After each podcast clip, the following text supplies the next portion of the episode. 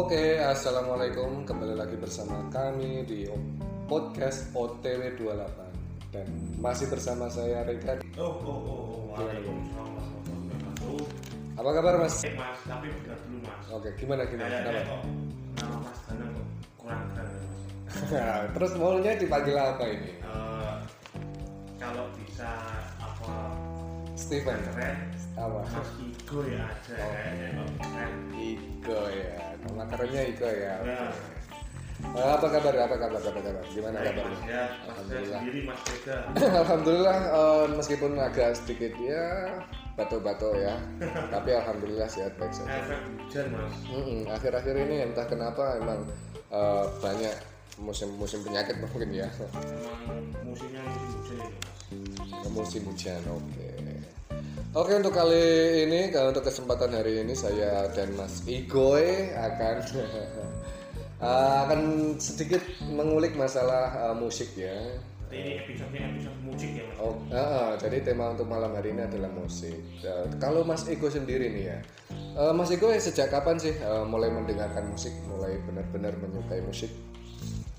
Eh, ya, Mas ya. Dari kecil ya sudah mendengar musik sih, Mas. Kayaknya ya, ya. eh, genrenya apa saja waktu itu? Eh, ya lagu anak-anak sih mas Lagu anak-anak ya, benar. Iya. Mungkin mungkin dari TK atau mungkin Iya. dari ke- dikenalkan musiknya. kalau biasanya kan anak kecil kalau susah itu kan di sebelum tidur dinyanyiin Ini sih, nak Mas. bukuin ya Iya. sama eh, kalau nggak little little tikus pak. Eh, terus ke setelah itu eh, tahu genre-genre musik eh, dari sejak kapan?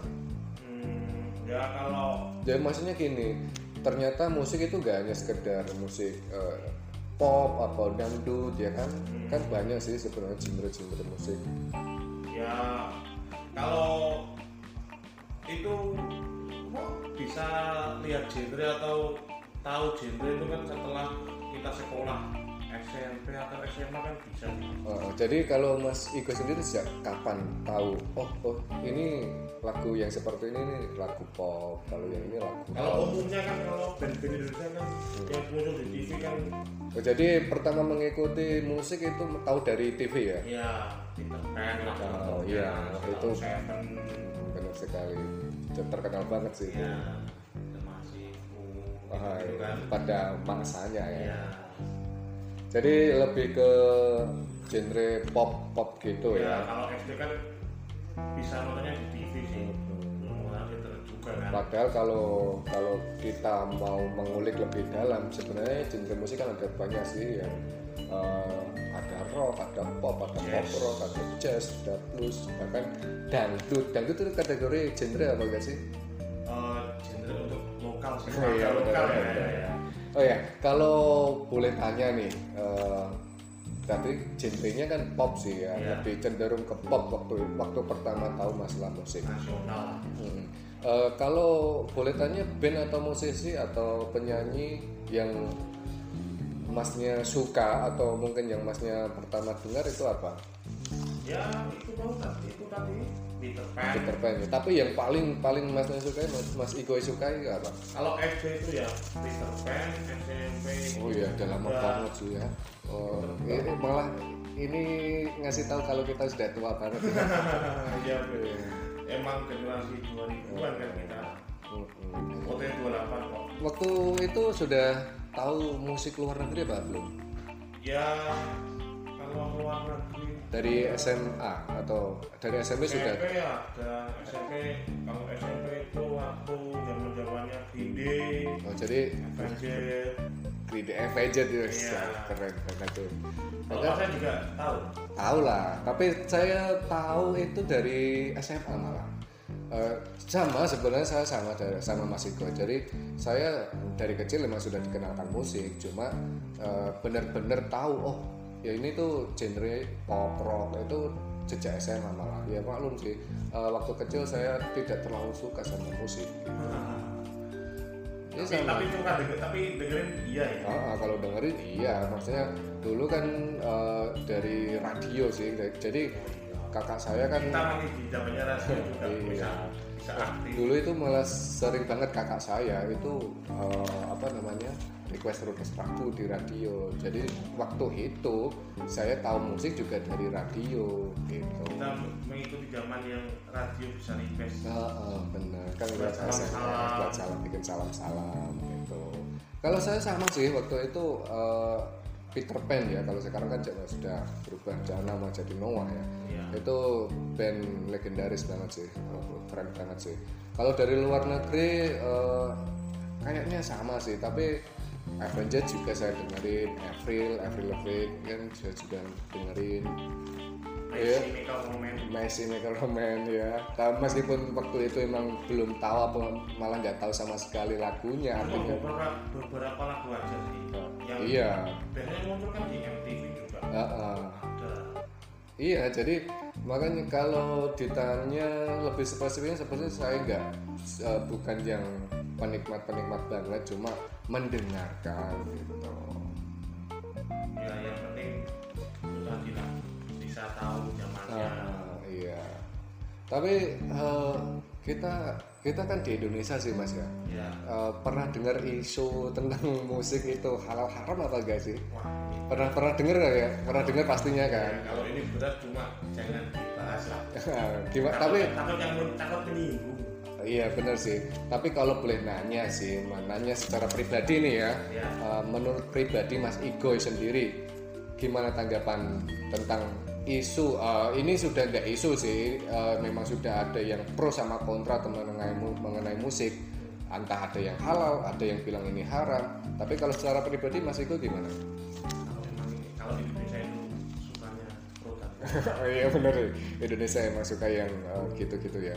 Eh, kalau saya sih eh, bukannya mengkesampingkan yang haram ya tapi Eh, gimana? tadi lah saya pecinta musik pendengar musik juga Hmm. bisa buat refreshing lah Ah. kalau mau kerja atau lagi sendiri scroll scroll Instagram Hmm. ngecetan sama langganan kan ya Jadi bikin Bonus, bikin nyaman juga kan. ya bisa nyaman juga Oke, jadi eh, intinya kita nggak perlu ya terlepas Yang dari yang yang yang bisa kita nikmati ya, dan ya terlepas dari kalau halal eh, ya monggo. ada yang bilang haram ya silahkan, ada yang setuju kalau hal, uh, Yang musik itu halal, menyenggol. uh, uh, ya silahkan kan gitu aja sih.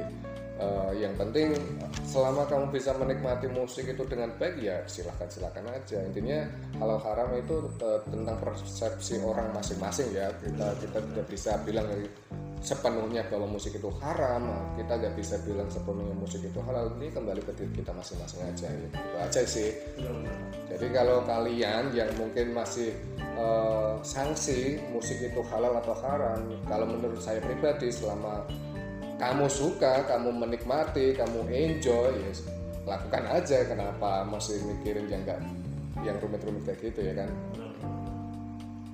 Eh, kalau manfaat musik secara pribadi ya tadi gitu ya, ya tahu Eh, tadi buat saya- bikin refreshing, buat mungkin ya itu buat kalau gini ya gimana, gimana Mas? kayak kalau musik itu bisa semangat waktu mau mulai kerja Mas. Ya, sebelum kerja atau sebelum beraktivitas itu biasanya sambil sambil dengerin musik itu bisa nyemangat biasanya lagu-lagu jenis genre apa atau mungkin lagunya siapa? kalau mau semangat ya lagu yang cadas cadas atau yang rock rock itulah Nah, kalau kalau dulu di SMA itu Bondan Prakroso tahu ya? Oh iya kalau boleh itu masa-masa remaja sih. Tapi itu lagu itu memang eh, keren banget sih Bondan itu. Terus kalau itu kan kalau untuk mengawali kerja mengawali hari sih dengerin lagu-lagu yang eh, semangat gitu. Iya. Berarti ada momen di mana masnya juga mendengarkan lagu-lagu melo dong maksudnya wah kalau melo itu antara jam mau tidur. Contoh lagu musiknya apa mas? Mas? Eh, coba dengerin aja Ari Lasso yang lirik. Oke, wah itu lagu itu emang ah, anjing banget sih maksudnya eh, emang Melo kok anjing. enggak maksudnya emang mengena banget gitu loh maksudnya Iya. jadi kalau eh, sebenarnya bukan hanya masnya kan kalau dibilang genrenya kan bukan hanya pop saja berarti Iya. ya Saya berarti multi, mul- apa banyak jenis genre Kalau mau lagu melo yang di Inggris itu ada loh. Oh, Oh, lagunya Simple Plan oh ya yang Oh, itu apa ya judulnya? Lupa. In- intinya ada ya semua- pokoknya. ya, nanti Iya. kita bisa searching di salah satu platform musik ya. Kalau saya juga ada mas. Kalau dari luar itu second hand serenade Wah iya. Itu. hampir semua lagunya itu Fall for You. Yang akustik loh ya. Heeh, iya Kan ada dua versi sih yang Fall for You itu. Heeh.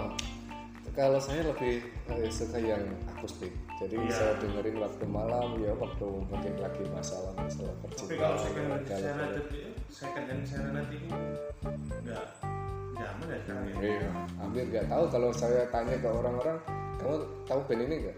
Band apa ini maksudnya? Ke yang eh, sekarang-sekarang sih ya. Nah, ya, yang mayoritas mungkin orang Indonesia suka mungkin lagu dangdut ya. Korea. Oh iya benar sekali sih itu Korea. Tapi kerennya itu bisa meledak sampai luar negeri pun hampir semua kalangan semua negara itu juga mendengarkan lagu Korea keren banget sih itu ya meskipun saya pribadi ini maksudnya saya pribadi saya nggak begitu suka sama lagu-lagu Korea cuma saya tetap mendengarkan beberapa beberapa musik saya mendengarkan lagu-lagu Korea Jangan jangan bilang ya. Jangan bilang nggak suka lagu Korea. kenapa mas? Tak. Oh iya itu Army sama itu kan ya sumpah itu Mas. gila mereka itu eh, sampai bisa melakukan yang nggak habis pikir gitu loh sampai sefanatik itu orang-orang Pokoknya kalau bisa kalau ada teman Korea bagus, oh iya benar benar benar pokoknya jangan sampai bilang jelek lah. bilang jelek lah kalau Nah, iya. kalau- atau yang negatif negatif tentang Korea pengaruh soalnya memang pernah terjadi dalam dalam eh, beberapa orang jadi sampai akun media sosialnya itu sampai diserang pasukan-pasukan army gila Bukan sih akun pribadi juga, Oh. akunnya keluarga. ah iya sampai sampai segitunya sih Ah, jadi kalau boleh tanya genre musik apa yang tidak suka masnya? Mas Iko ini lebih ada gak yang nggak disukai gitu maksudnya? Saya sih kalau mau pribadi ini ya, Ya. tapi ya nggak bisa di pukul rata ya. Nah, mas ini ini pribadi mas Iko sendiri. cover sih. lagu Cover. cover. Kenapa mas? Kenapa kok nggak suka Ya, lagu cover? padahal padahal kan bagus-bagus loh maksudnya enggak bukan bukan di bagus atau jeleknya ya. ah, kenapa Cuma ya ini sih zamannya cover sih ya. Iya hampir hampir banyak banget itu di YouTube atau di mana itu yang cover musik. Yang terakhir yang yang apa yang Triswaka atau apa Oh, itu iya. Triswaka sama Nabila sama Ya, itu kan sampai pernah booming banget itu sampai pernah viral banget itu. Ya kalau dari saya sih gimana ya? Eh, kalau di zaman dulu Nah, orang itu berlomba-lomba atau band-band itu berlomba-lomba Bikin lagu karya, yang- bikin- lagu yang bagus nah, yang bikin karya yang bagus, bikin lagu yang keren gitu. kok sekarang ya gitu zaman sudah berubah zaman Hmm. sudah beda eh, itu memang resmi atau nggak resmi itu ya saya nggak tahu Ah. cuma kok sekarang ramai ya cover Oh, iya bener bener juga sih. terlepas dari harus tahu jeleknya itu saya nggak nggak ke situ ya Oh. Kayak gak adil banget gitu kan ya. Maksudnya eh, mereka itu sudah susah-susah loh ya bikin Masalahnya bikin zaman lagu kan gitu. itu sudah hak cipta sih. Heeh. itu bahkan kalau eh, Mas Iko ngikutin yang siapa namanya penyanyi dangdut? Yang Via Valen kalau nggak salah Oh, ya. iya, iya, yang cover lagunya SID anak-anak gitu ya. Tanah Anarki itu kan pernah sampai viral sih, pernah sampai berhari-hari bermasalah. Bahkan sampai seorang pemimpin SID ya pemimpin negeri sampai Oh. ikut campur ya kan ngurus gitu. iya kan kalau diberitakan kan eh, tapi Pak emang, emang Presiden kan juga merespon. dari Gerindra kan ya itu tadi tidak terima Ah, ah, ya kalau dari pihak SID sendiri emang mereka punya hak untuk eh, mengizinkan atau tidak seseorang itu mengcover lagu mereka gitu. Soalnya mungkin karena setelah dibawain Via Valen lebih terkenal mungkin ya. oh iya Iya kan sih. warga lokal emang suka Suka ya, ah, asik.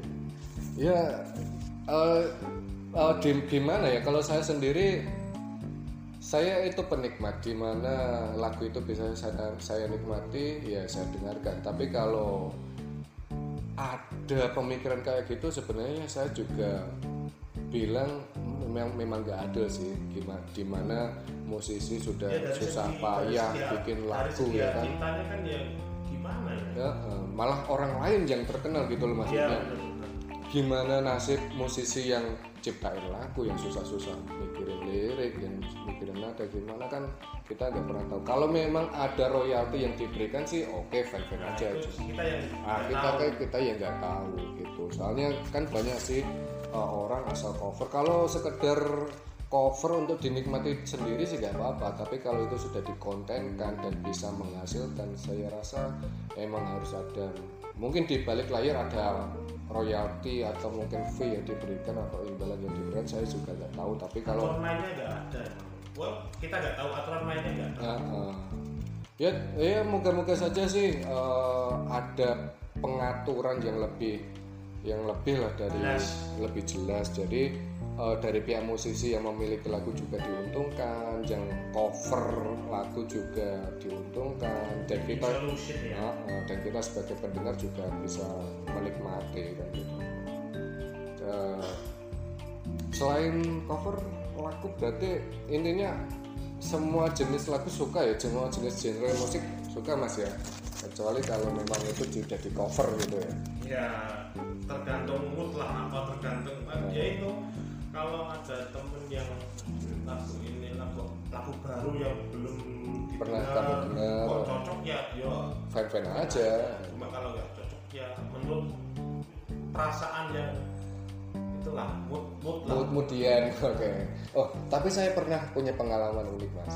Jadi waktu itu saya eh, emang sengaja mengikuti live Instagram ya eh, di Instagram live ya siaran langsung. Itu ini cewek sih ini cewek. Waktu itu kan dia live di Instagram ya dia aktivitas. Tapi sambil dengerin musik. Iya iya. Eh, saya ini siapa aja komen gitu. Kak request lagu dong kan gitu. Iya. Jadi saya eh, ketik di situ request lagu. Jawabannya apa coba? Jawabannya itu oke oke kak. Request apa saja? Yang penting jangan dangdut. Nah coba gini gini gini gini. Eh, gini gini gini. Jujur saya pribadi dulu jujur ya pribadi dulu saya juga gak suka dengan genre musik dangdut. Ya eh, gini gini. Eh, karena saya mendengarkan benar-benar yang bisa menikmati lagu dan menikmat apa mendengarkan atau melihat langsung lagu dangdut itu kan kebanyakan waktu itu pantura sih eh, Oh, ya, dangdut dangdut pantura kan gitu. Jawa emang yang mau masing itu. Eh, eh, cuma yang nggak saya suka gini eh, penampilan mereka jadi ini kan seni mus- seni bermusik yang meng, mengutamakan mengutamakan vokal ya mengutamakan suara. Tapi mereka lebih cenderung menonjolkan fisik ditimbang vokal. Jadi kok nggak sinkron banget dan malah menjurus ke hal yang negatif gitu. Ya lebih. Kan kalau pedaguk-pedaguk pantura kan seksi-seksi pakaiannya sih mas bikin. Tapi kalau kayak kalau kayak gitu tuh melihat mas bener sih. Karena kan rame ya Oh, Pak, ya. eh, bagi- jadi bagi beberapa orang kan itu bisa dinikmati ya kan? Tapi kalau makanya kalau saya pribadi eh, bukan bukan dang, dangdutnya yang saya jadi berawal dari karena emang kok gitu kok penampilannya gitu. Kan ini musik yang harus mengutamakan suara. Kenapa malah menonjolkan penampilan kan gitu. Tapi jangan lupa Oh iya beda. nah ini ini. Eh, salah satu kan itu sih. Nah, terus ada alasan lain kenapa saya tidak suka lagu dangdut awalnya ya. Karena itu tadi ya. Eh, ada ada alasan lain. Jadi karena liriknya kalau Mas Igoy mau mengamati benar-benar liriknya itu pasti temanya tentang keluarga pasti tentang pe- perceraian atau atau putus cinta atau gimana. Jadi dari dari, kata kehidupan. Iya tapi benar dari kehidupan tapi lebih cenderung ke ke, ke percintaan terus terus penyes apa namanya putus cinta atau yang ditinggalin atau yang diduain kan kebanyakan itu semua. Tapi setelah saya mendengarkan Roma Irama lagu-lagu dangdut dari Roma Irama oh ternyata ada juga sih ya lagu dangdut yang eh, gen- eh, temanya itu general ya jadi dari faktor eh, liriknya yang menggambarkan tentang kesehatan ya lari pagi pagi ya kan ya kan? Itu kan jadi nggak nggak hanya menonton percintaan atau atau yang lainnya gitulah Eh, jadi mulai- makanya enggak jadi dari setelah saya mendengarkan lagu Roma Irama oh ternyata enggak enggak seburuk itu kok. Tapi sampai sekarang? Oh enggak, enggak. Kalau kalau sekarang sudah mulai bisa menikmati, apalagi kan kalau sekarang tahu kan malah semenjak adanya Didi Kempot yang sampai di, di dijuluki apa namanya? Dekat ke father. The God of Father dari jadi netizen netizen. netizen ya dari itu. Saya mulai menikmati lagu-lagu dangdut lagu-lagu campur sari yang didangdutin gitu. Ditambah eh, musisi-musisi sekarang yang eh, menyanyikan lagu dangdut kan sudah keren-keren sih ya. Kalau yang akademi akademi yang di stasiun TV Eh, gini sih. Jujur dari segi suara bagus ya. Tapi saya tidak bisa menikmati. Eh, ada gitu. dramanya ya? Ada dramanya sih. Terlalu berbelit-belit kalau kalau acara-acara seperti itu ya. Oke jadi kalau itu itu sih kalau saya lagu dangdut awalnya saya tidak suka tapi kalau sekarang sih udah mulai bisa menikmati kalau dari Mas Iko sendiri gimana? Kan tanggapan tentang musik dangdut? Yang katanya yang katanya bagi sebagian orang ya gak semuanya. Itu kalau dibilang lagu menengah ke bawah setuju apa enggak dengan istilah Iya seperti kan itu? kalau warga lokal itu ya. Kalau di kalau dinilai itu ya buat orang Jawa Hmm, buat Pulau Jawa lah. Khususnya lah ya. Nah, Eh, kalau tadi ngomongin apa? Pantura atau yang lebih condong ke apa ya? Seksual apa? Nah, penampilan. Penampilan yang terus yang menonjol yang coba terbuka. eh, sekarang kan ada yang New Palapa itu atau Oh. Adina itu kan be- eh, Iya. orkes dangdut dari itu nah ah, benar-benar. Jawa Timur. Ah, itu ya kok ah, benar. Jadi maka dari itu jadi yang titik balik kalau sudut pandang saya mengenai dangdut pantura itu bisa berkonotasi positif menurut saya ya. Itu setelah adanya eh, ya itu tadi kayak palapa Adele jadi di situ memang mereka musisi-musisi penyanyi dangdutnya emang menonjolkan suaranya. Dan itu ya itu ya kalau Oh, oh, benar apalagi kan banyak banget sih artis-artis eh, penyanyi dangdut dari Jawa Timuran yang eh, bahkan bisa mena- eh, apa mendaki apa naik sampai masuk ke stasiun TV masuk ke stasiun TV kan banyak sih contohnya. Itu keren banget sih. Jadi stigma bahwa lagu dangdut itu awalnya berkonotasi negatif tapi setelah adanya itu keren sih menurut saya gimana? Kalau dari Mas Iko setuju apa enggak? Apa? Iya de- itu tadi. Yang yang dangdut itu? Nah, ya tergantung gimana ya kalau kalau penikmat kan enggak dinilai dari penampilan ya. Ya, jadi suara dari nadanya dari liriknya juga bisa. Oke. Tergantung itu tadi ada juga yang bisa dinikmati kok ya.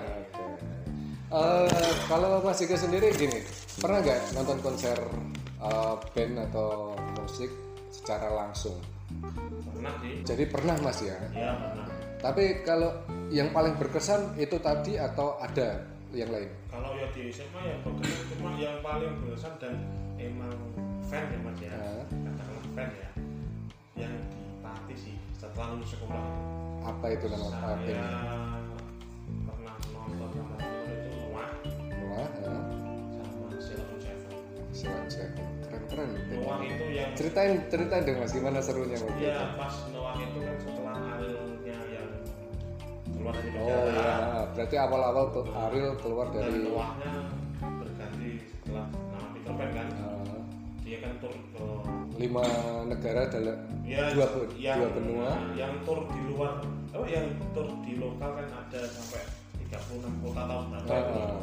Dan itu ada keren di Pati itu di Pati Jadi masnya waktu itu nonton konsernya Noah secara langsung di Pati ya? ya Nah, itu itu gimana itu mas? Maksudnya pasti ada Itu awalnya momen-momen kan- yang nggak mungkin dong maksudnya ini sekelas Noah pasti Iya. rame banget. Gimana waktu itu? awalnya kan itu beli tiket sih mas beli Ya. tiket di radio apa tuh radio Pati itu harganya 25 ribu. Waktu itu dua puluh lima ribu. 25 ribu. Acaranya malam. Hmm.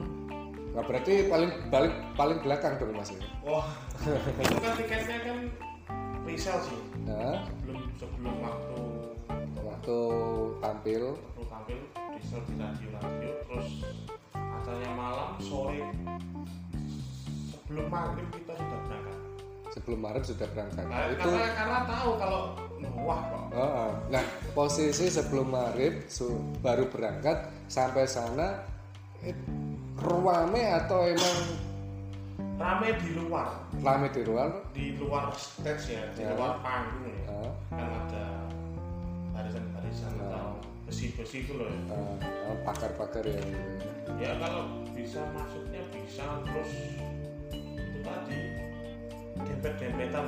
Sampai harus direlain. Eh, berangkatnya awal maksudnya Oh, malah- juga, malah- maksudnya awal. Cuma ada pada kan ada band-band penghibur dulu Oh. atau band-band opening dulu. Tapi setelah ada luahnya langsung ya, pasti orang ribuan.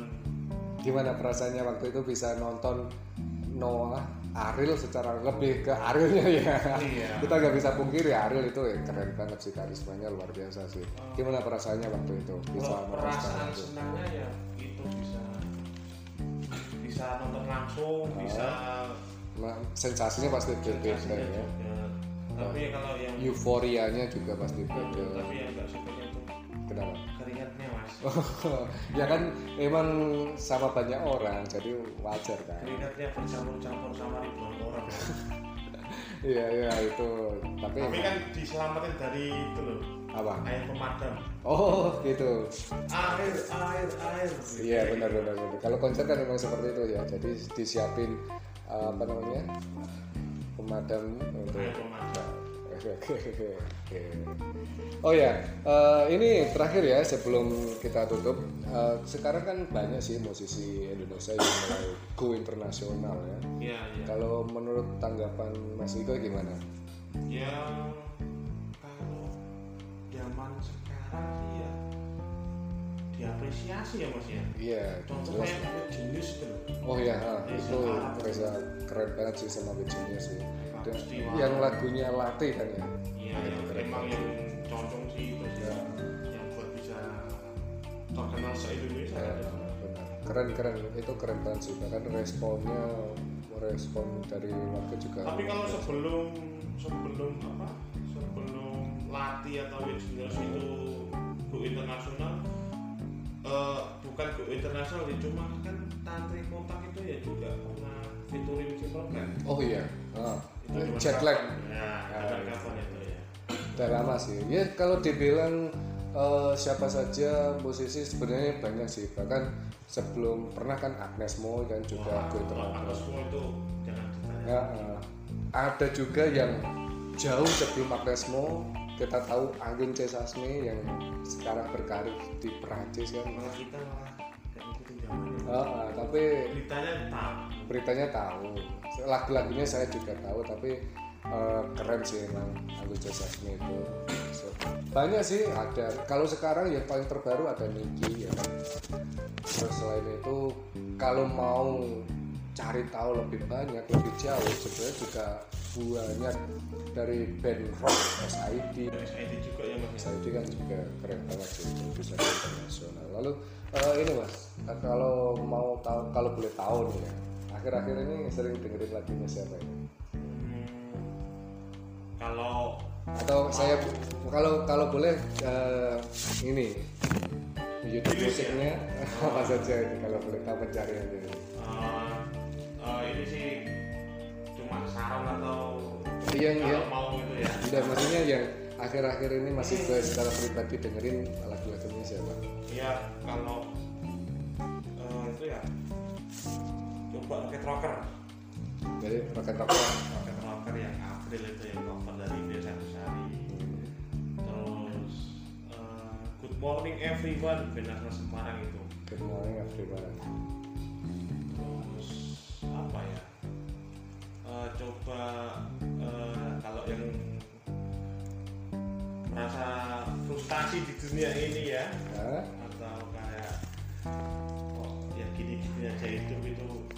India India. Jadi akhir-akhir ini masih kayak dengerin lagunya India. iya kenapa mas? Ada masalah apa? Enggak, enggak, enggak, enggak, enggak, enggak, ya. Gak betul, apa-apa, cuma biar semangat aja menjalani hidup ini. Oke. Keren sih. Oke itu saja ya dari kami ya. Terima kasih se- kesempatannya untuk Mas Igoy ya tetap jaga kesehatan di masa seperti ini. Kita berjumpa lagi untuk kesempatan berikutnya. Salam dari kami dari podcast OTW 28 selamat malam Mas Igoy. Selamat malam. Assalamualaikum semua pendengar. Sampai Terima kasih sudah mendengarkan.